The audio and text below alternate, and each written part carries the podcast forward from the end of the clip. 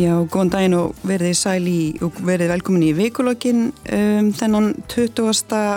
dag november mánadar. Þetta er síðasti lögadagar fyrir aðvendu og margir farinar farnir að huga jólum. En gæstetnir hjá okkur í dag er Víði Reynisson yfir lauruglu þjótt almanna varnadeildar ríkislauruglustjóra, Viljum Þór Þórsson, þingmaður framsónuflokksins og starfandi fórseti alþingis og Anna Sigrún Baldurstóttir framkvæmdastjóri skrifstofu fórstjóra landsbytalans eins og þessi uh, samsetning gesta gefur til kynna. Það á nokkuð ljós hvað við erum að fara að ræða hér í dag. Það verður þingið það er uh, þingsetning á þriðu dag fjárlögin koma í næstu viku er stemt á í síðasta lagi. Uh, að minnstu kosti fyrir málunamátt er eitthvað lofað. Spítalinn hefur verið í svona glímu við ástandið, svo ekki sem meira svo sagt, eh, hjúkurnafræðingar segja upp á bráðmóttöku, neyðar, kallþaðan, enn og aftur og svo er það COVID sem við erum enn að ræða hér í þessum þætti og verðum vantanlega eitthvað aðeins áfram. Ef við byrjum bara á stöðunni, á faraldrinum og ástandinu og spítalanum þá kannski, Anna, hvað hva, hva getur við sagt svona um svona afleggingar þess að, að, að hjúkunarfræðingar á, á bráðmótökunni, við byrjum bara svona það, það, það nýjast ár því sem er gerist í þessari viku, uppsaknir hjúkunarfræðinga og hvað afleggingar hefur það inn á svona, inn á spítalan, ekki bara bráðmótökunna, nú er sko komið svona beðinni þaðan að fólk reyni að forðast að koma ángat ef að, ef að mögulega geti farið annað, það er svolítið svona alvegleg staða orðin. Já, það er nú bísnalálega staða þegar við þurfum að byggja fólkum að leita annað en við leggjum þú áslá að þeir sem að þurfa þjónustu bráðmótuguna sem eru bráðveikir að þeir hlýfi nú ekki sjálfum sér öðrum með það að mæta og fá þjónustu því að hún verður veikt. Það getur gengið, verið gengið vísta því og en hins vegar þetta það er rétt, það er alveg staða þegar hjókunarfræðingar eða aðri starfsmenn segja upp störum á spítalunum og sérstaklega og það er vissulega alvarlegt en þetta er nokkuð sem hefur kannski verið í svolítið tíma að gerjast undir miklu og þungu álægi sem hefur verið á bráðmótökunni þar sem þau horfa sérstaklega og við þetta á sko hversu margir þurfa þar að býða eftir að komast upp á deildi spítalans. Þetta gerir vinnunana þeirra mjög þunga og erfiða og eh, aðstæður á göngum bráðmótökunan verða bara óviðunandi. Þannig að þetta er staða sem að þessi starfsmenn mæta með þessum hætti og það er alvarlegt. Um, Viljum, nú eru fjárlögur næsta árs svona örgulega langt komin í vinslu vonandi en, en enginn hefur fengið að sjá þau að því að þingi er ekki komið saman. Um, hvernig skinnjar þú, þú varst í fjárlaganemndi fyrra þannig að þú hefur eitthvað, kannski eitthvað vísbynningar um hvernig svona verði tekið á bara fjárveitingum til spítalans ef við byrjum þar, þannig að þú getur kannski, ekki kannski sagt okkur allt um það. En, en hvernig finnst þér svona að vera svona viðþorf í pólitíkinni gagvart þessu ákalli spítalans? Nú heyrist manni að sé svona mis uh, svona, svona misjáft hvernig talaðir um uh, fjárveitingar og, og hvernig spítalinn er rekin eftir hvort þú ert innan spítalans og heilbyrðiskerfinsins eða í pólitíkinni Pólitíkin hefur svolítið verið að leggja áherslu á það að, að það þurfa að hagraði rekstri og spítalinn þurfa að fara betur með fjármunni um, en nú er bara staðan þessi eins og við höfum verið að ræða marg oft undarferna vikur mánuði og jáfnvel ára ára tugi. Hvernig stendur á því að, að þetta er alltaf sama umræðan?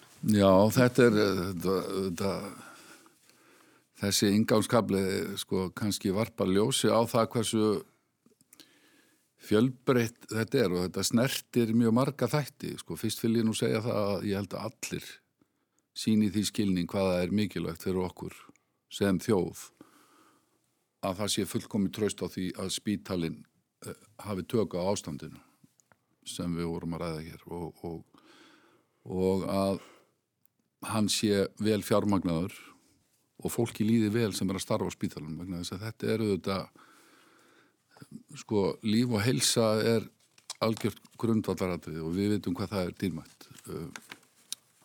Síðan er það þessi hinlið hvernig að því þetta eru miklu fjármunir á fjárlugum sem að fara í heilbyrðið stjónustu, ekki bara spítalan og þá verður við að horfa á það hvernig við nýtum þessa fjármunni á því kjörtífambili sem að vera líða þá hefur ríkistjórnin bætt verulega í heilbriðiskerfið allt saman og þar með tali landsbítalum.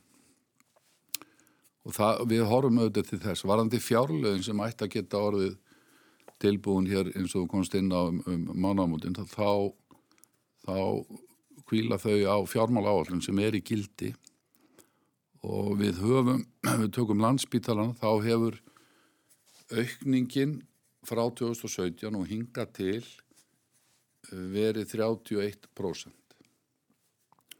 Eh, þetta hefur, hefur farið úr 63 miljardum á áskrundvelli í ykkur 83 miljard.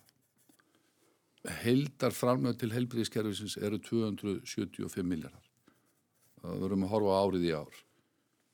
Síðan leggst á þetta uh, COVID-framlög og það samhliða eða eftir, á eftir fjárlagafrömmarpi mun líka fylgja fjárökulagafrömmarp þar sem að, að þessi kostnaður mun, mun koma fram. Ég held að við verðum bara einblýna á það hvernig okkur takist að fjármagna spítalan vel og að við vinnum okkur í átt að þeirri stöðu að fólkinu sem er að starfa á spítalunum og allir bera mikla verðingu fyrir að því líði vel. Ég held að það, þú finnir ekki nokkur mann sem er ekki að þeirri sko. Anna þannig að uh, kemur viljum inn á líki latri sem hjókunarfræðingarnir til og með nefna sem eina af ástöðum uppsagnar þeim líður bara reynilega ekki vel í vinnunni. Um, þessir fjármunni sem hann nefnir uh, hækkun til í framlegum til spítalans úr 63 í 83 miljardar. Um, er það uh, í takti við það sem að þið hafið tellið að sé nóg til þess að reyka spítalan í þessu breyta umhverfi sem við erum að horfa á. Hér hefur talað um uh, fólk, þjóðin er eldast, mikið auka álag á spítalan vegna fjölgunar eldri uh, sjúklinga, um, aukin túrismi og þarfram til göttunum. Hvað Hvað segir þið um það að þið verður bara í raunin að reyka spítalan betur? Ég held sko að viljum að vera bara að vera að benda á stærndir að þá eru vissulega peningar sem að hafa komið inn í spítalan og, og heilbriðskerfi allt. Það er bara heilmikli fjármennu sem fari í þetta kerfi. Þetta er dýrt kerfi. Ef við ætlum sem 360 manna þjóð að reyka spítala þessu kaliberi þá kostar það og það mun kosta áfram og það mun kosta meira. Um, við kannski horfum aðeins öðru lítið aðeins öðruvísi á, á þessar krónutölur því að þetta eins og kannski hérna kom fram í, í skýslu frá hérna Gilva Sóega þá þetta er langstæsti hlutin sem að kemur þarna inn, kemur vegna launahækan og, og þess áttar. Það er ástæðan fyrir þessum háu upphæfum sem koma þarna inn sem er reyndar vel því að eitt af, lutur, eitt af verkefnunum eru þetta að reyna að borga fólki laun sem það sætti sig við sem hefur reyndar ekki tekist í nokkun tilvíkum en það er hann að mál en og í raunaukningi til spítalans samkvæmt þessari skýslu við gilvamistrústi var þarna eitthvað 0,11% á löngu tíma og þeim tíma hefur, hefur þjóðin sem sannlega er ung, enga síður eldst og sömulegis hafa orðið svolítið breytingar og þjónustunni gagvart eh, öðru gestum okkar, menna hér er að koma 100.000 ferðamanna eh, auðvitað fyrir COVID en þeim er reyndar að fjölga aftur núna. Það og svo framvegis, þannig að þetta er en ég held þess að það er svo auðvöld að vera sammála um það, það vilja allir að þetta kerfi gangi vel og þetta er bara spurningum leðir, það er bara, og ég held það og allir eru sammála þá ekki hvað síst við á spítalunum að það verður að fara vel með þetta fjö þetta eru miklu peninga og við erum við byrjum, bæði ábyrða og líu og heilsu landsmanna líka skatfi þannig að það er áreðandi að við vöndum okkur og við teljum okkur gera það og þurfum bara að eiga nánara samstarfi ríkisfaldi áfram um þetta. Það það er bara framtíðan, þetta er það sem við þurfum að gera. Þetta mun, ef við ætlum að halda upp í heilbyrjuskerfi á því kalibri sem það hefur verið þá munum við þurfum að gefa í penning það er bara alveg öðrútt mál á sama tíma og við reynum að hægra jafnlega því, það er alveg eðlert að gera það alltaf. Það er bara einbyggt. En viljum, er þetta sangjörð framsetning þegar við erum að tala um auki feti spítalans og í, í, í sama sömu andra og við erum að tala um aukna þörfu á þjónustu? Að, að, að þið nefni þessa miljara sem hafa farið inn í kerfið og hafa farið til spítalans sem er rauninni bara til að uppfylla kjara samningsbundnar hækkanir. Já, já, þetta er alveg... Þó þetta sé náttúrulega kostnæður auðvitað sem er að fara inn á spítalan en þetta er ekki til að auka þjónustuna. Þjónustuna er alltaf svo sama. Já, já, þetta er algjörlega sangjart og ég tek undir með annusverið hérna varðandi þetta. Ég held að að reka svona flokna þjónustu eins og landsbytalinn er með, með við raun og veru svo stofnum sem að stendur undir þessari þrýðjastegs þjónustu það sem eru mjög floknar aðgerðir, mikil sérkunnáta og, og, og, og flókin eh, samsetning livja og dýrliv og það allt. Eh, þá verður þetta bara áskorun á hverjum degi að leita leiða til þess að ná sátt um þessa mikilvægu þjónustu, kjarnar þjónustu og svo eh, flækir þetta auðvitað enn frekar og, og, og, og það er kannski ekkert sjælega skynsalegt að vera að tala alltaf um flokna hluti og nota þetta orð flækjustig sko en, en, en heilbriði stjónustón okkar öll, hún, hún hangir svo saman. Og landsbytalin er þessi grundallar þjónusta Þannig ég myndi segja að þetta væri áskorun á hverjum degi að takast á við það að finna leiðir til þess að ná sátt um þessa þjónustu í samspili og alla aðra þætti í helbriðsjónustunum. Anna, nú er ákveðin tækifæri til breytinga inn á spítalum eftir að eh, fórstjórin eh, er hættur og nýra koma. Eh, viljum kallar eftir því að þannig náist sátt á milli stjórnmálana og, og heilbreyðs kervisins og bara sem er ekki bara um hvaða leiðir við erum að fara, hvaða leiðir sér þú færar og hvernig er hægt að nýta þetta fjármagn betur sem kemur inn á spítalan er sóun í kerfinu? Sko því öllum kerfum er ykkur sóun. Uh, það er alltaf svolítið, það er hins að hefur spítalinn sko núna í, já, ég veit ekki hvað komið, svona 10-11 ár þá hefur við verið með, með stöðu og umbúta vekkferð þar sem við erum með með að horfa alla ferla og sjá hvar sóunin liggur og taka hana út til þess að bæta ferðana og minka sóun sem vegna þess að það er ekki gott fyrir nefn. En hvað, þannig að við erum nokkuð, við erum nokkuð sjóið í þessu og getum gert meira þessu og hérna, en hins vegar eru kannski þættir í kerfinu eins og viljum varju sjálfur sér að segja að það eru, þetta hangir allt saman og þetta eru við í þeirri stöðu núna á landsbítalanum ef við horfum á, á hérna, ef við horfum á, á, á bráðarýmin okkar sem að telja kannski rúmlega 400 þegar vorum að bráða rýmin því að önnu rými eru hugsu fyrir aðra þjónustu og geta ekki nýst í flæðinu sem við kallum mm. að þá er staðan vissilega svo að við erum með einstaklinga hjá okkur sem myndi koma betur að vera annar staðar. Það er fólk með færðna hilsumat sem myndi uh, njóta þess betur að vera á öðrum staðin spítalánum og þetta er eitt líkil þáttur í því til dæmis að, að fyrst, af, fyrst og síðast að þessi fólki lífi betið því við höfum lokið okkar þjónustu hvert þeim og þá viljum við þetta að þeir komist í betra úræði þar sem þeir fá þjónustu við hæfi. Þetta var einna líkillin á því að við, hérna, að okkur tókst svo vel upp í fyrstu bylgjunni, að akkurat þá, þegar svo staða var uppi, að við duttum hana í fyrstu bylgjuna, að þá hafi einmitt, bara nánast fyrir ykkur á guðsmildi, opnað hjúknarheimili á sléttuvegi og þangað fór stór hluti af þessu fólki og, og, og hérna, og fer betur og sannarlega um það þar heldur en það var hjá okkur og þess vegna var spítalinn svo klár í þetta þá. Nú hins vegar erum við með þá stöðu uppi að það er um 20% drýma hjá okkur eru, eru svona kannski, það væri hægt að nýta þau með öðrum hætti og koma þeim einstaklingu sem þar liggja í betra skjól. Þannig að þetta eru auðvitað verkefni og það er svo sannlega verkefni, samilegt verkefni sko landsbytalans og, og samfélagsins og í talunum uh, politikunar og það hefur vissulega verið endalist samtalum það en já, það er bara eins og það er, þetta er ennþá staðan. Það gengur ekkert sérstaklega vel á þessari ríkistjórna að fjölga hjókurunarímum.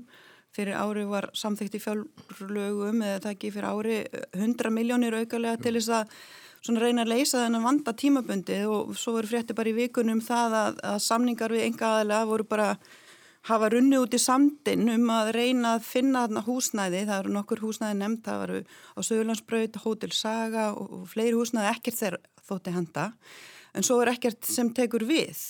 Þarna eru 100 miljónir sem að það sannlega skortir ekki peningin en úrraðin skortir. Hvernig á að leysa þetta í, í staðins? Þetta var 1,3 miljardur sem átt að fara í þetta verkefni og, og hérna þannig að og það er hins vegar, því hefur verið mætta ykkur marki meðal annars með yngrupi minn á landsbytala. Mm.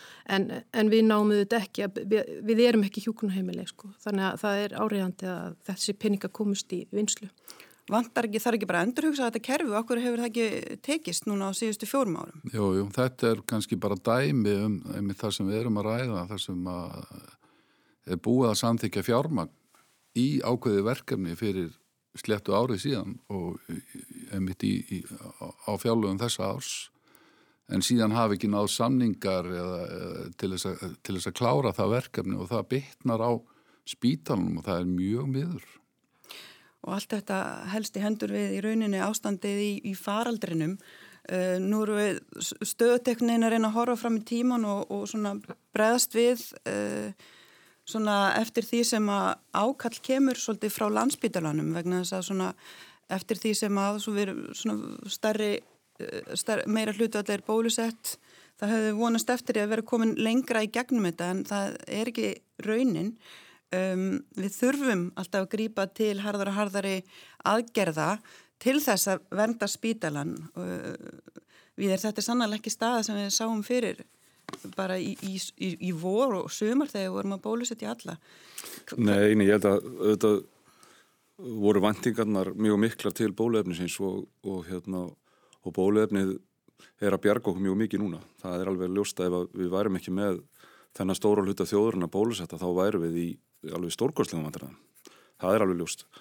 Og þannig að bóluefni hefur, hefur gert mjög mikið og, og, hérna, og við sjáum það bara, við, erum, við fundum regla með landsbítalanum og þar heyrum við bara þessar sögur af því að hversu hraðar það gengur að vinna með þetta bólusetta fólk sem lendir inn á spítalanum heldur en hinna.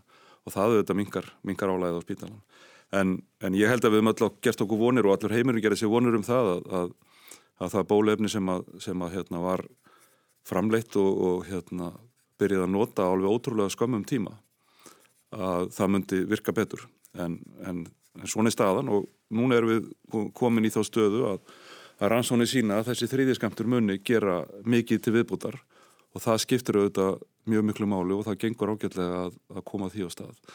En, en allt er þetta bara hluti að keðju sem við þurfum að horfa á og, og, og landsbítalinn er, er hluti að keðjun en við erum með margar mikilvægar aðra stopnarnir sem við erum líka að hugsa um að vernda. Það er umræðan hefur hverstaldi mikið um landsbítalan og landsbítalan fengið mjög mikla gaggrin og mjög harða gaggrin á sig og að mínum að þetta er mjög ósangjanda mjög oft. Og starfsfólki þar hefur, hefur, hefur sko lift greittistæki í, í þessum málum. En það er, samfélag okkar er allt saman undir og það eru fullt af öðrum stopnunum og, og hérna svona mikilvæga verkefni sem við þurfum að verja. Og það er hluta þessu, þessari nálgun okkar hvernig við höfum komið þessum sóttuðnum að með takmarkunum ánað og, og ég held að núna séum við búin að ættum að vera búin að læra það á þessum hvað, 20, 22 mánuði síðan að við byrjuðum í þessu, í þessu verkefni að, að meðan að faraturinn er geisa í heiminum þá er alltaf, alltaf líkur á því að hann, hann skella okkur með einhverjum hætti Við erum núni í sjálf og sér segja sérfræðingar í sjálf og sér að við annan faraldur heldur en vorum að fást við. Þetta delta afbreyð er bara allt öðru í sí. Það, það heitir, heitir ennþá COVID en, en hvernig það smittar, hvernig það smittar, hvernig það veikir fólk, hvernig það veikir aðra heldur en það vekti fyrra. Þannig að mörgulegt erum við að ennþá á einhverjum hálkjörnum byrjunarreit í þessu. Nún erum við að sjá það að, að þriðasbröðan verist virka ágætlega gagvart því afbreyði en við þurfum bara að vera tilbúin að takast á þetta til lengri tíma og, og og finna það leiðir í okkar samfélagi sem, sem virka best, bara eins og við höfum gert með svo margt annað í gegnum tíðina. Við búum bara í samfélagi sem, að, sem við viljum að virki og viljum að, hérna, að það sé svona, hérna, hvað segir við, opið og frjálst samfélagi, en við erum samt með fullt að reglum um alls konar hluti og, og ef það þurfa að vera einhverja reglur í kringu sóttarni þá er því að hissa á því, ég held að við munum bara finna leiðina saman til þess að, að lifa með þessu. Og, og en það getur vel verið það þýði það að samfélagi verði með einhverjum pínliti öðrum hætti heldur en það var áður og það er bara einhvað sem áttur að, áttur að koma í ljós. En, en það er bara eins og hefur verið í gegnum tíðina þegar að samfélagi þróast einhverju nýjir hlutir koma inn þá setur alþingi bara nýja reglur um það mætir, mætir því og, og tekur þá umræðin og finnur bestur leiðina fyrir okkur.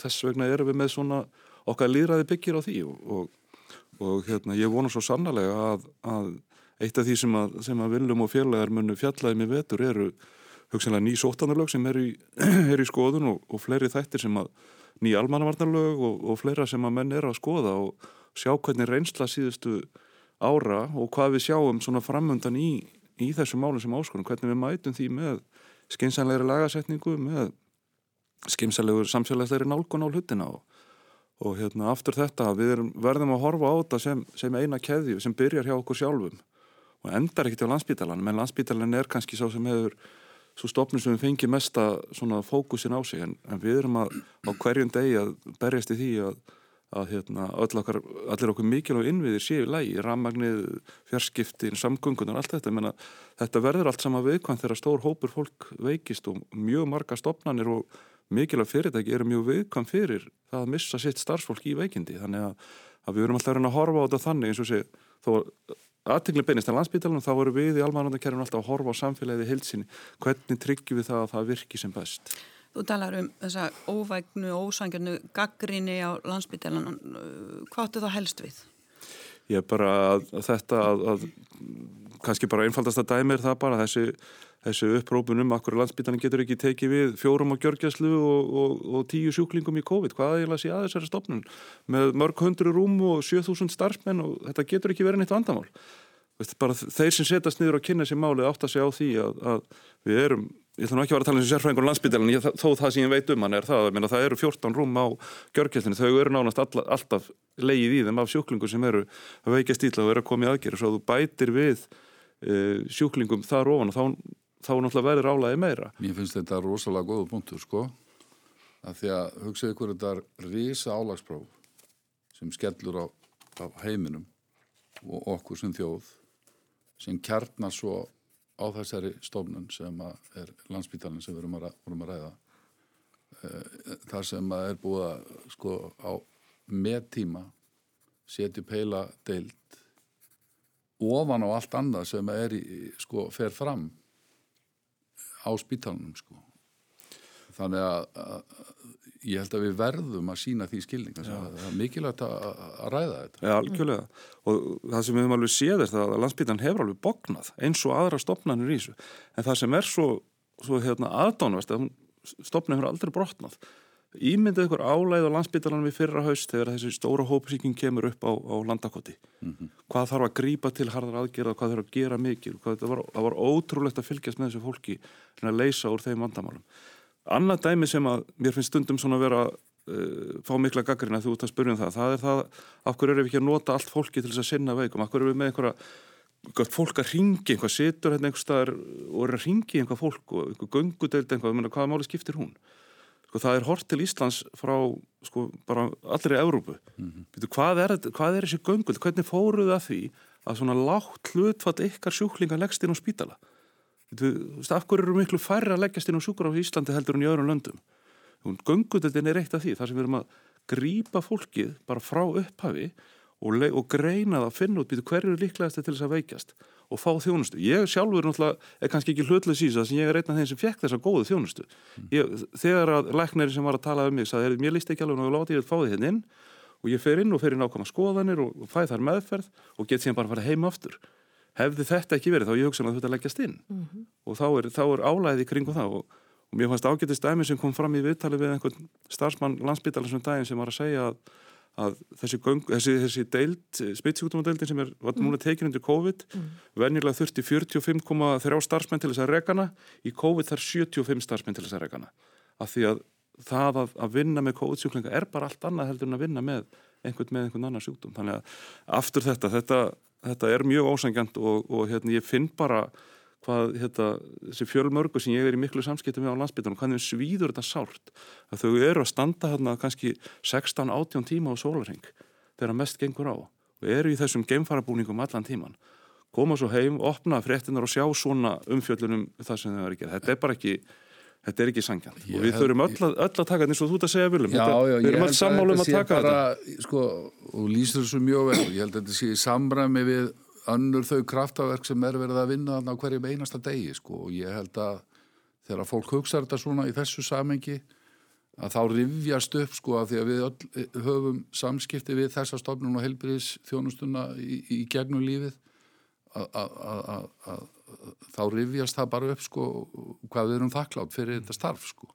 Og það er líka gott að ræða þetta þessum nótum sko Já. til að minna okkur bara á það sko. En það er samt ekkert skrítið að svona risastofnun eins og landsbyttalinn lendi í svona olgusjó umræðina sko. Það er fústrósjón út í bæ út af öðrum hlutum og þá er þetta kannski það sem er í umræðinu það fær þá að gaggrínina líka. Þannig að maður hefur eitthvað svona ákveðin skilning á því og ég var náttúrulega að hugsa þetta minni mig svona dálítið á það. Það var nú góðu vinnu minn sem að kollegi þinn Viljum sem að starfaði í stjórnmálum hérna rétt fyrir, eh, rétt, eða svona á hrun áránum og hann segist undir söguna því að þegar sem sagt trunni kom þiði, þá voru allir hérna klappaðið og bakið og já því standi ykkur vel og gangi ykkur vel og allt það. En við vitum síðan hvernig það þráaðist, ég reiknum ekki með það að gerast heldur, en þú fólk varð bara, vildi bara fá hlutin í lag. Og það er auðvitað það sem að fólk er að kalla eftir, að þetta verði bara í lagi og ég hef alveg skilning á því en ég, maður svona veldi ég samt fyrir sko, við kannski erum ekki nógu duglega að segja hvað við gerum, til dæmis varandi símtölinn við, við erum í mikil þróun í þessi á samhliðaði því sem við erum að veitast að þjónustu, þá erum við að þróana líka. Þetta gerist allt í rauntíma, þess að finnst mér þessu umræðum, sko það er um 22 mánuður, okkur ekki betur undurbúin við erum það Mm. og meðal annars höfum við til næst varðandi símtölinn, þá höfum við hérna, erum við að gera rafrænar, eh, erum búin að fæða það meira í rafrænan búningu en þá frekar ringi í þá sem eru augljóslega þurfa á því að halda. Þannig að við höfum sko breytt mjög miklu í þjónustunum til þess að mæta breyttir þörf og hérna sumulegist þá hérna verður að minna það að við komum alltaf, í hverskipti við spurum spítalan af hverju, af hverju, af hverju eitthvað, við komum alltaf því að það vantar fólk og þetta, öll þessu þjónusta sem við erum að tala um, þetta eru einstaklingar sem að öllu jafna er að sinna þessu núna, eru öllu jafna að gera eitthvað annað þegar allt er eins og venjulega. Mm -hmm. Og á þessum 22 mánum eða hvaða er sem er frá því að þessi faraldur hóst, þá hefur spítalinn verið hættustu í tíu. Og það þýðir bara að við erum að færa fólk, það þýðir það er umlega hættustíði hjá okkur, þýðir ekki alls í farið til fjandans. Það þýðir að við erum að bregðast við ástandinu. Þannig að fólk svolítið mikilvægt að fólk átti svo á því. Þess vegna fyrir við ekki hættustega því það eru þrýra og gjörgjallöður, hættustega vegna þess að við þurfum að breyta þjónustinu til að mæta þörfinni. Og þetta er bara vel skilgreind, vel skilgreind stig sem við förum eftir og breyðumst við.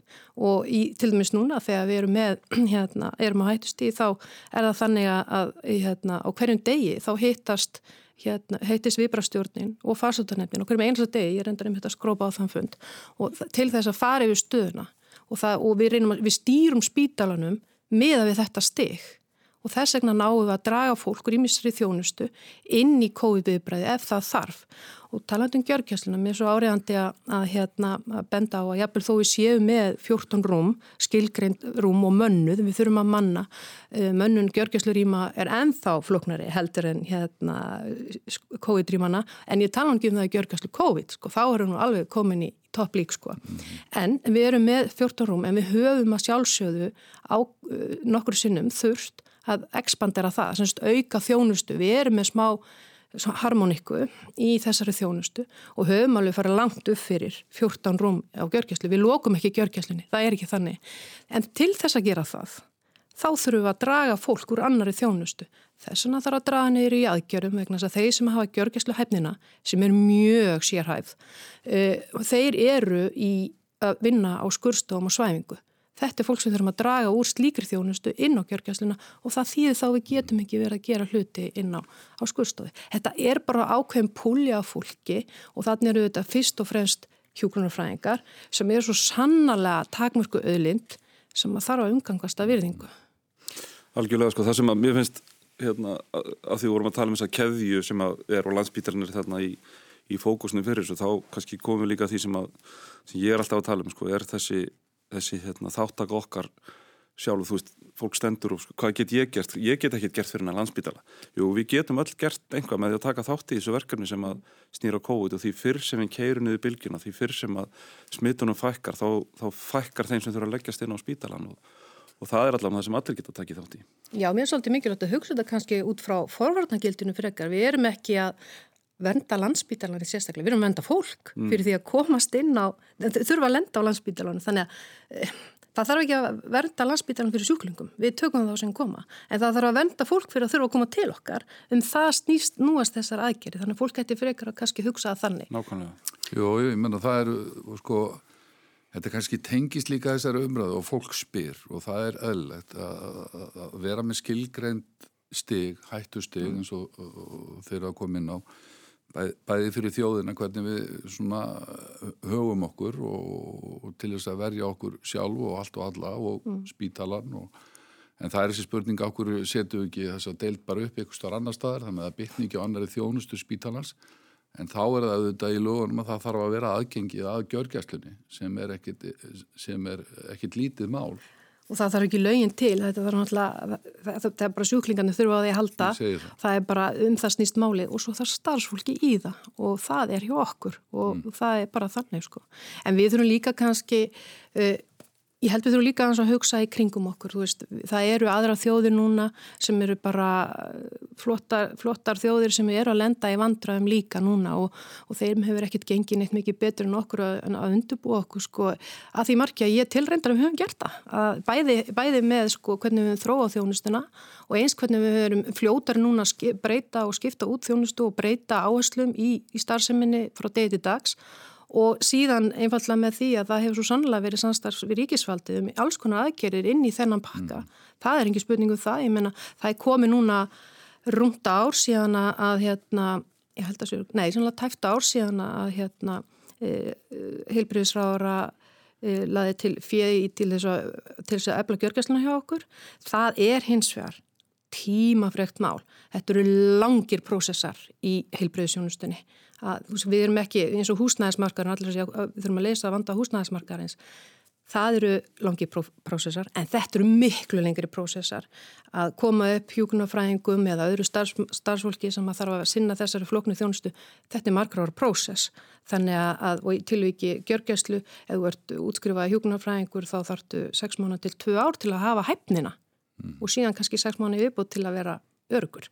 Þannig að þetta er ofbóðslega svona, þetta er doldið þungt í vöfum sko en hérna, en það er gríðalög kraftur í þessu og eins og, eins og, eins og ég er að reyna að lýsa, það er endalösar hugmyndur, endalösar svona breytingar á þjónustun og hugmyndi frá starfsfólki og stjórnendum, heyrðu, getum við ekki gert þetta svona frekar núna og við erum alltaf að mæta nýjum veruleika hverjum deginn sem þú varst að tala um, þetta er bara, þú veist hvort sem það er fjármögnin eða bara starfsemi sjálf, þetta er bara snýstum að, að mæta verkefni dagsins og hverjum degi og með bara svona ofin huga og, og hérna, hugsa í lausnum og ég held að við höfum reyndar verið bara skrambi góði í ég miskusti vil hrósa samstagsfólki mín í landsbygglanum fyrir það. Eitt fyrir ekki sko, sem að tengja þessu líka, sko, það er að það er þessi spurning af hverju voru við ekki undibúin, af hverju voru ekki þetta það er náttúrulega bara, er, er hérna mjög skemmtileg umræða vegna þess að við, ég hugsa að við höfum verið sko betur undibúin heldur mjög margir aðri vegna þess að að árið 2005 að þá byrjum við að gera fyrstu viðbrásáalluna mm -hmm. til að mhm. takast á við svona verkefni mm -hmm. og við erum búin að vera núna í 15 ár að undirbúa okkur fyrir þetta og þannig að við vorum undirbúin og, og hvað gerist, það er í janúar 2020 leið og svona þetta fer að vera einhverja vísbendingur um það að sé að breyðast út svona nálat okkur, þá virkjum við þessar viðbrasáallanir, mm -hmm. landsbítanir er búin að gera sína, almanarvarnakerfið og sóttanarlæknir sínar áallanir og sem hundruður manna þau tekið þátt í að gera og menn bara náði pappirinn upp í hill og segja árið að þetta sem við ætlum að gera. Og og síðan auðvitað lendum við á raunveruleikanum og sjáum það við þurfum að beigja til vinstur og hæri mm. og, mhm. og færa okkur og læra og... Viðbrasáallinir eru nákvæmlega það, það eru viðbrasáallinir yeah. sko. hvað ætlum við að gera í þessu ástandi við ætlum að gera þetta ég held að við séum bara skrambi, skrambi sjóum sko, og verðum betri en svo þegar kemur svona faraldrum uh, svona hérna farsóttir sem er bara einhvern veginn orður forneskinu næstuði sko, en, en er það ekki, það var til við munum síðan endur skoða þetta í kjölfar því það er það sem gerist í kjölfar allra farsóta sem geisa því að það var nú síðast einn 2009 svona einhverju veruleg þunga að þá er alltaf í kjölfari þá er alltaf skrif, skrifa farsótanettun okkar skýslu og gerir tillögur um úrbætur hvað þið að gera. En það verður nú viðkynast, okkur hefur ekki auðnæst að gera það og það fyrir því eru ímsar ástæður.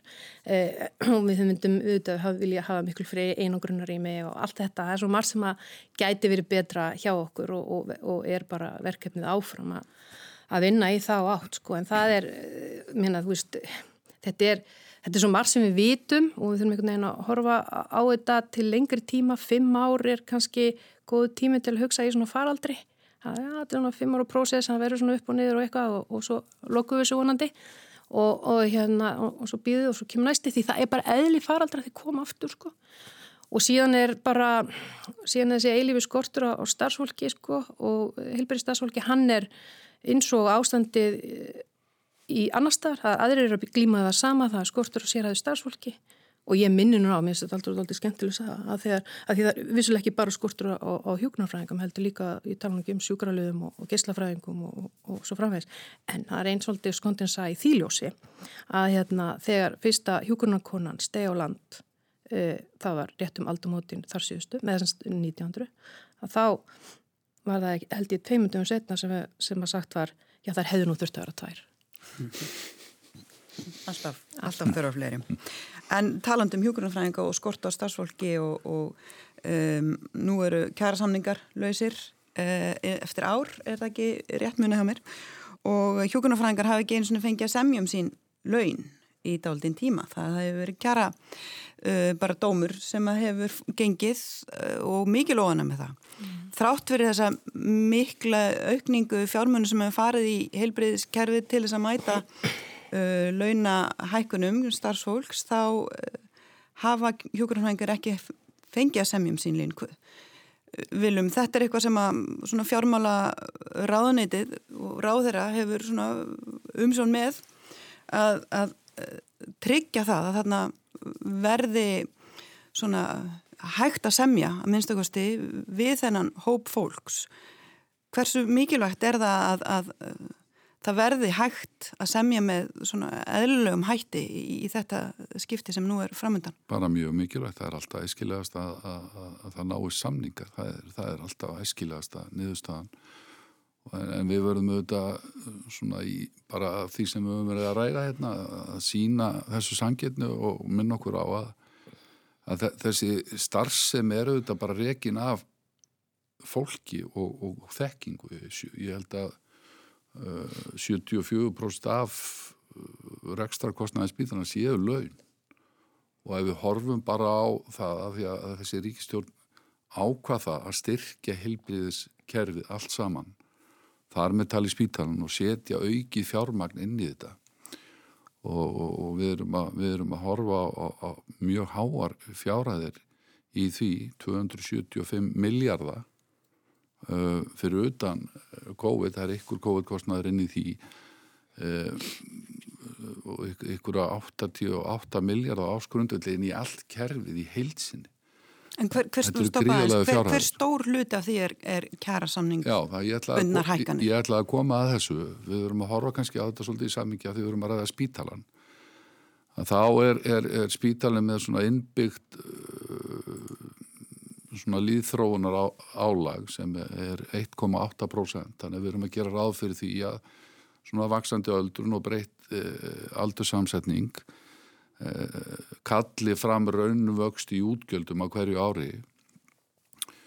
Og þá ef við horfum á þessa útgjald svona aukningu framlaga síðustu ár til, til spíðanast þá er það raunverulega þessi aukning.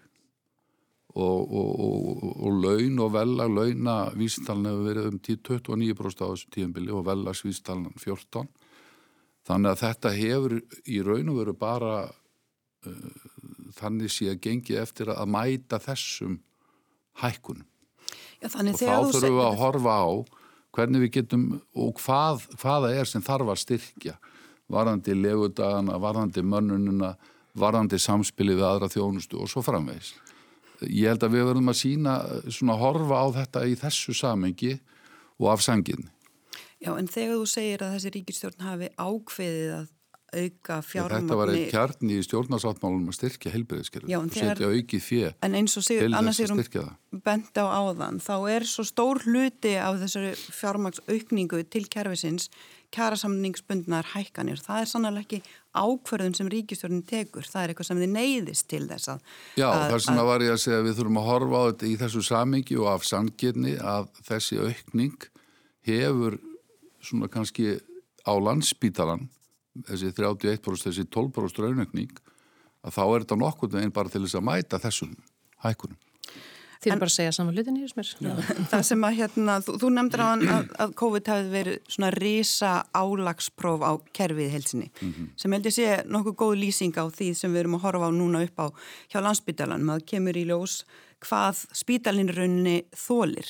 Mm -hmm. Svona síðustu fjárlög sem voru gerð áður en COVID skall á fyrir tveimur árum þá skinnjaði maður uh, svona, sem fréttamaður umræðina svolítið þannig um, inn, á, inn í fjárlaganemnd og hjá meiri hlutanum að það væri eiginlega sama hversu miklum peningum væri hendi í spítalinn þetta væri bara svartól sem að segja allt til sín. Uh, finnst þér viðþorf þeirra sem að fara með fjárhættinguvaldið hafa breyst eftir þessa reynslu varðandi COVID og þetta risa álagspróf sem þú talar um? Já, ég held að þetta sé nú ekki almennt viðhorf. Við höfum átt mjög góð samtöl í fjallaðanendi í kennum tíðina við stjórnendur spítalans, mjög góð og uppbyggilegt samtal uh, í fjallaðagerð og, og þetta auðvitað, sko, kerfið auðvitað virkar þannig að spítalinn gerir sína ráallanir um það hver verða útgjöldin uh, á, á, á næstkomandi ári og leggur fyrir sinn ráðherra og ráðunetti sem að síðan í samengi við aðra útgjaldalið í fjallugum uh, fyrir, fyrir árið e, e, e, fer inn í fjallagafrömmar og, og það byggir meira segja á áallanlegjara því við vorum að tala um hér svona sameilan skilning á viðbröðum í, sko, út frá áallunum að þá eru við komið með stefnumótandi fjallagagerð í, í lögum omber fjármál. Þannig að síðan kemur fjallagafrömmarpið inn til alþingis, til umræðu og, og fjallaðum í fjallaganemnd sem ásíðan samtöl við spítalun og ráðunetið og reynir að finna út úr þessu og þar koma fram sko, mörg ólík sjónamið um það hver, hversu mikið fjármagn ætti að fara í, í, í, í þetta. Finnst þér vera skilningur annað hjá stjórnmála fólki hversu mikið fjármagnsspítalinn rauninni þarf? Finnst þér skilningur verið til staðar? Ég held að viljinn til skilning sér klálega til staðar, er svo kannski niðurstaðan verður kannski ekki alveg með það kannski sem mér finnst en nú horf ég mynd eins og viljum að segja, ég horfa út á þetta út frá ákveðnum þáttur sem að sem að hagsmunus hérna þeirra sem að við erum að þjónust á spítalunum skipta öllu máli, þau hafa síðan hlutverki að horfa á víðara samhengi. Þannig ég skil alveg þetta pólitíska dilemma bara mjög vel og þetta eru, eru fleiri þættir sem við viljum að virki í þessum samfélagi eins og, eins og við viljum að lauruglan virki, við viljum að mentakjörfi virki, þetta er allt hlutir sem skipta velferðarsamfélagi máli. Þannig ég skil alveg hvað þetta er erfitt og, og ég skil alveg hversu, hversu þung umræða þetta er fyrir pólitík, sko, ég, ég, ég skil það mjög vel. En auðvitað sko eins og ég sé þetta sko þá held ég að það sé ákveði tækifæri því að það eru að vandin er sá að, að, að heilbríðistjónustan og, og, og spítalinn sem ég þekki sérstaklega hefur verið vanfjármagnar í langan tíma þannig að það er einhvern sérstökum að kenna en við getum eins og öll tekið þátt í að breyta því. Og mér heyrist almennt verið að vilja fyrir því og það er bara verkefnið. Það verður áhört að sjá þessa nýju, þessi, þessi nýju fjárlög þegar þau eru lagð fram, það er náttúrulega fjármála áallunni gildi en eins og hefur verið bent á þá er ákveðin óvisa í gangi bara vegna þess að, að efnas uh, umhverfið hefur breyst svo mikið vegna COVID og, og fólk óttast uh, niðurskurðakröfu. Hvað sér þau fyrir þér, Viljum? Hvernig munir þetta líta út? Ég sé nú bara byrtu í kortónum sko og ég hef trú á því að eins og við komin inn á aðan varðandi þriðjubólusýninguna sem gefur alveg vendingar með það sem hefur þó verið rannsakað og að sko við náum betri tökum á, á þessu. 5% hagvöxtur er í kortónum með við þær fórsendur sem likja fyrir á, á næsta ári. Og þannig ég sé það alveg að við getum eins og hefur verið talað um að við náum að að vaksa út úr þessu, ná jafnfægi á ríkisfjármálunum. Eh, við verðum að reyka eh, ríkisjóð með halla eitthvað næstu árin en, en, en, en í áallanagerðinu þá sjáum við framundan fjögur-fimm ári í það að ná jafnfægi á, á, á fjárlögum. Það er að segja að tekjur mæti í útgjöldum og, og þannig ég sé að það alveg við, við getum alveg náðu okkur að styrkja þessu. Þannig að uh, ríkistofnunni geta aðeins farað að anda léttar. Uh, þurfi ekki óttast mikið niðurskurð? Nei, ég held að það væri bara óráð að fara í einhvern niðurskurð á þessum tíum búin. Mm. Við uh, viljum nefnir þriðubólusetninguna sem svolítið líkilin að því að við svona náum jafnvægi í samfélaginu. Um, svo voru fréttir um það í vikuna að það væri ekki nógu góð mæting. Hvað hefur ykkur skýringar því? Er fólk seint til eða er fólk ekki eh, beinlinis kannski að trúa því hvað þetta getur haft mikil áhrif vegna þess að við svona heyrðum svolítið sömu, sömu rullu í sömar að það bólusetninga muni bjarga, bjarga öllu og svo kemur ljósa að það er ekki rétt og heldur fólk sé bara búið að missa trúna á. Nei, held að sé, sko, það sem við þurfum að gæta okkar í umræðinu núna er það að, að við erum að fást við einhvert fyrirbæri sem við, við vitum ekki allt um og það er enga törralisnir. Það er engin, engin törral. Við heldum og vonuðum held ég langt flest að, að hérna, bólusetningarnar í sömur myndu vera lausnin okkar og við værum bara þar alveg betur stött heldur en, heldur en hérna, 90% heiminum í því sko.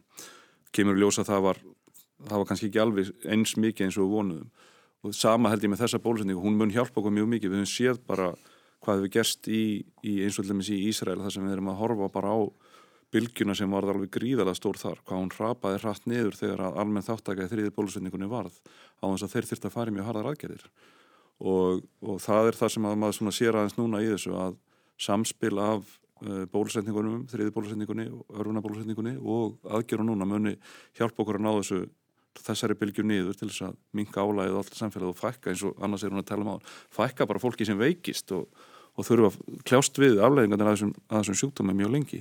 Þannig að, að enga tárálisnir en alveg klárt að, að við stígum skref fram á við í barátunum með því að þykja þriðisbreytuna og ég skil vel alveg að menn svona vilja aðeins býða og sjá og 70% mæting í hinga til er, er kannski undir þeim vendingum sem við vorum að hafa og, og hérna, vonandi bara sér fólkið það að, að þetta sé, verði betra, það verði betur varið og það minni líkur á það veikist og, og það er auðvitað það sem við höfum séð í held að þetta séu orðin einhverjir átjón, nítjón sem hafa smittast af þessum 2000 sem hafa fengið og þeir hafa ekkert orðið veikir.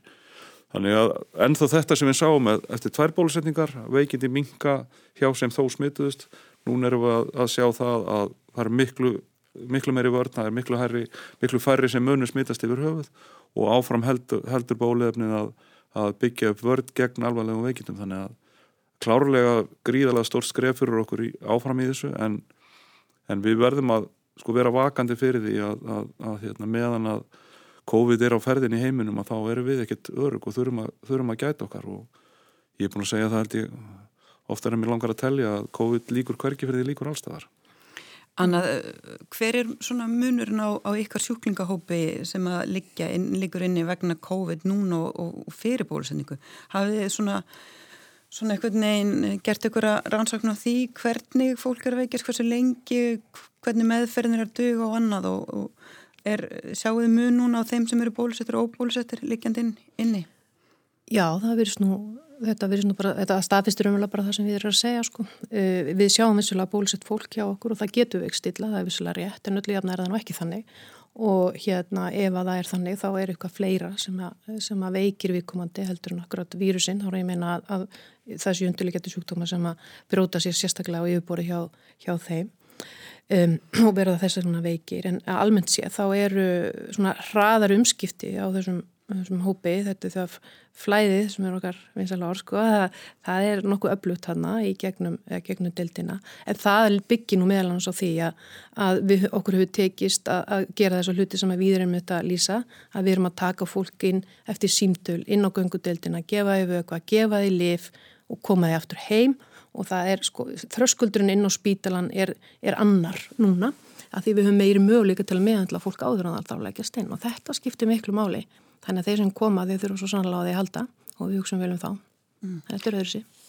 En hvernig verður aðvindan hjá ykkur? Ætlið að hafa ykkur uh, fara varlega, ekstra varlega þó svo að þrjá bólsetningin verði vantanlega komin?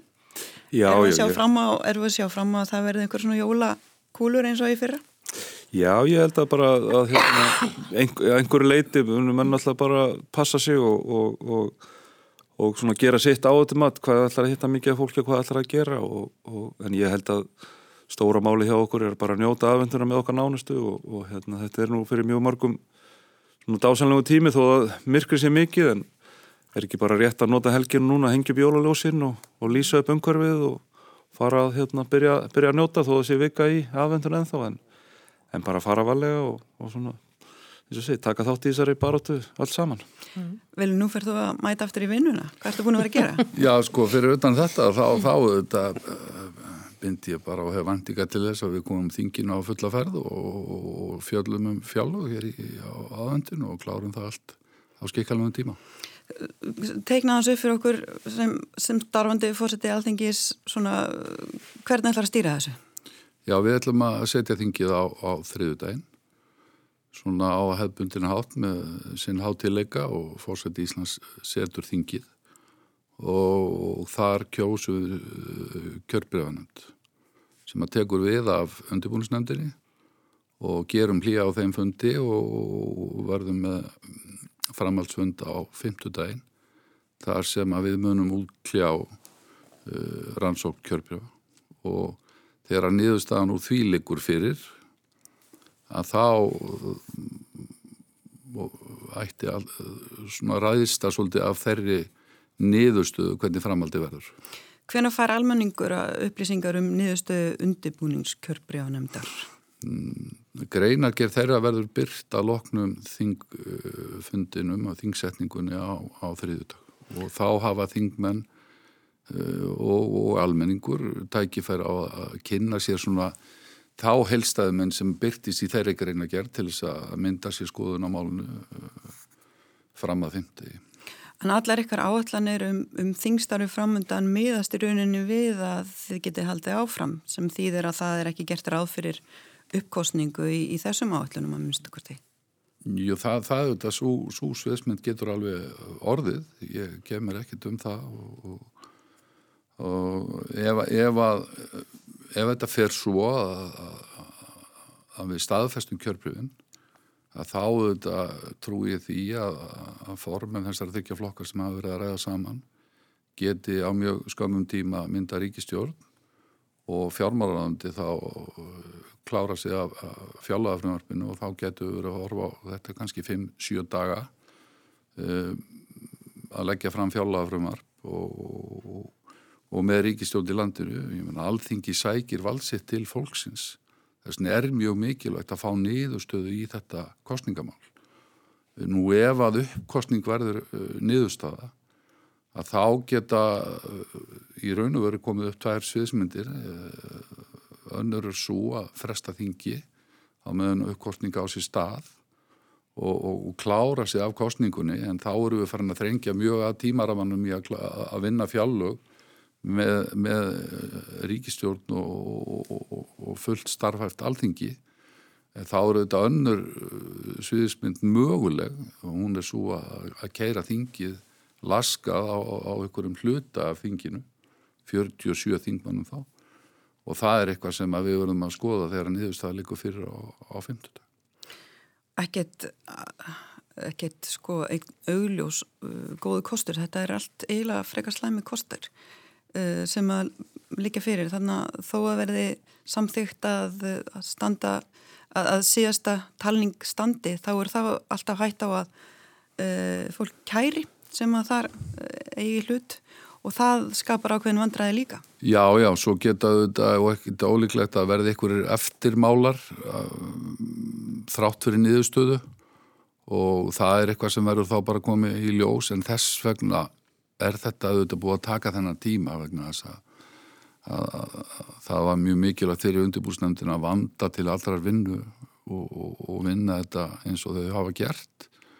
Vanda sér allar staði og þetta var auðvitað, þetta voru einhverjar 17 kærur og, og, og, og fló, flóknara mál kannski heldur við horfum á í uppa við, við trúðum því að við getum svona unnið þetta hraðar en, en, en einmitt í, í ljósi þessa þá, þá er, er mjög mikilvægt að þetta sé vöndu vinna sem likur að baki.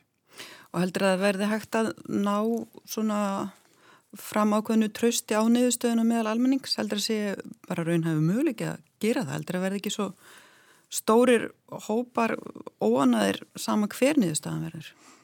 Það er óskandi en ég bind vonu við það að svona í heilstæðri greinagerð þá þá megi endur vinna, vinna það tröst það eru þetta kannski það uppestæði, kannski það mikilvægast þegar við þetta minnir okkur á hvaða er mikilvægt að öll umgjörð í kringum kostningar og talningu, hvað hún er mikilvæg og, og, og, og það sem fram kemur í kostningalögjöf. Og þú talar um umgjörð, eitt af því sem líka verið nefnt í þessu samingjör umgjörnum um fjárlög og fjár, fjár, fjármála áhællenir og allt það. Og bent á að bara svo ákverðin að kjósa að husti til hafi sett svolítið þetta kerfi allt úr skórðum voru það mistök bara hjá ríkistjórnin að kjósa í uh, er það ásættanleg uh, afleiðing þess að kjósa svona seint að það verður svona stuttur tími til þess að ræða fjárlögin á þingi? Sko, við sáum auðvitað ekki fyrir að, að þessi staða kemur upp með uh, hérna kostningarnar í norðvestur kjördæmi sem auðvitað hefur sett þetta svolítið úr skorðum. Uh, tímasetningin á, á kostningunum uh, að hausti í september það, það hefði í raun og veru allt átt að geta gengið í þessu sko, umhverju sem við erum að vinna í dag með lögum ofnber fjármál og, og fyrirlikjandi fjármál áallun og, og fjárlög á grundvelli þeirra um, þá hefði það nú átt að geta gengið vel eftir ég held að, að við, við síðustu kostingar þar á undan voru, voru setna og, og við fáum fjárlög þá fjárlöganemdi hendur 14. desember Um, það kosti auðvitað bara mikla vinn og langa fundi en, en, það tóst með ágættum og, og þetta svona, sko, hefði alveg átt að geta gengið en þetta hefur vissulega þessi staða hefur, hefur þrengt að já. Færð þú hlutverkið þessar nýju ríkistjórn? Ég fæ eitthvað gott hlutverk eh, hvaða verður veit ég ekki Hvað ætla að gera um helgina það sem eftir aðinni? Anna, þú varst að skrópa ég... fundi? Já, ég, já, nú þarf ég að fá uppdæta honum bara hún um leiðin fer, sko. Ég er bara húnast til þess að, ég ætla bara að fara svolítið gladar út í daginn, heldur en ég kom ykkar. Ég fannst bara, viljum vera bjartur og ég ætla bara að fylgja bjarsinni þar og vona þetta hjálpa okkur í að styrkja mönnun og spítalunum, hvort sem það er hjúknarfrænga, sjúkralega, læknar eða hvað. En það sem ég ætla að gera, ég ætla bara að þrýfa hjá mér. Við erum, þú var heim að þrýfa. Já, allir það ekki bara. En líka bara að fara að hengja upp jóraljósin. Þetta eru svakalega skilabóð. Ég veit, ég er alveg samfærum að ég kem heim núna að þá, þá liggur það fyrir að ég er að fara að trífa. Já, púsa fyrst, ljósin svo. Við skreitum ekki við skítinu við þér, ok? Samþýtt. Við erum ekki skreitið við skítin. Takk fyrir komuna Víðir Einarsson. Ég ætla að fara með þessa lungu titla. Yfir lauruglu þjóðn Almanna Varnadeildar Ríkislauruglustjóra Vilum Þór Þórsson, þöngmaður Framssonflokksins og starfandi fósetti Alþingis og Anna Sigurum Baldurstóttir, frangotistjóri skrifstofu fóstjóra landsbytala. Takk fyrir komuna. Takk. Takk.